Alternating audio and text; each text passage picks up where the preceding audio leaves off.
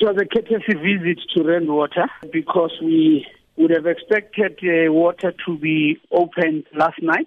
And uh, we wake up in the morning, there's no water, which literally could mean five days without water in Mfuleni. So we thought, personally as a mayor, that it wouldn't work to have my senior managers in boardrooms, councillors are under fire that we sit and we do nothing. And hence we took a decision to come and visit Rand Water. I am excited now that Rand Water has issued an instruction that water should be reinstalled and we expecting flow of water anytime after 1 o'clock.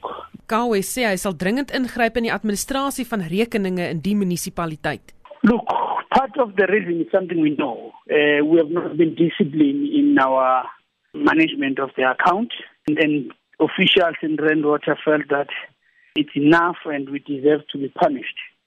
The only challenge we see is that when we reach an agreement with Rand Water, we said this matter requires senior leadership of both Rand Water and Mfuleni, and that any decision to cut would be discussed at that level, and that didn't happen. Secondly, the other problem is that even when we've requested the intervention of the Premier, and the Premier did intervene yesterday, we were told that we have water, and we didn't have water.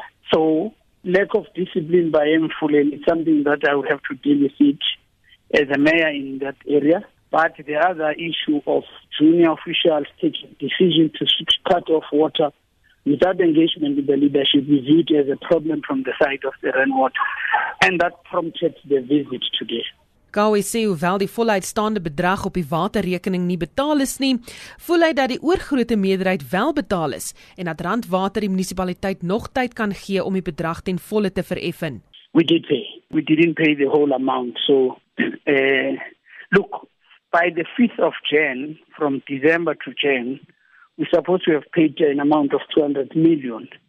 And we can inform the public that by the 8th yesterday would be have paid 177 million rand.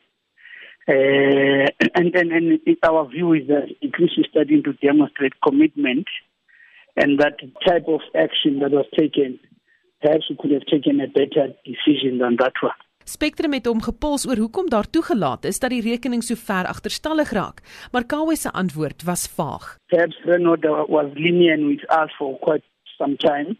We shouldn't have reached that amount. But equally, it's a clear demonstration of lack of discipline of management of money from our side. And that, that those are the two valid reasons uh, from my point of view. Uh, but moving forward, we have set up a mechanism. One mechanism is to ensure that we pay the debt and we meet our obligation to pay the current account.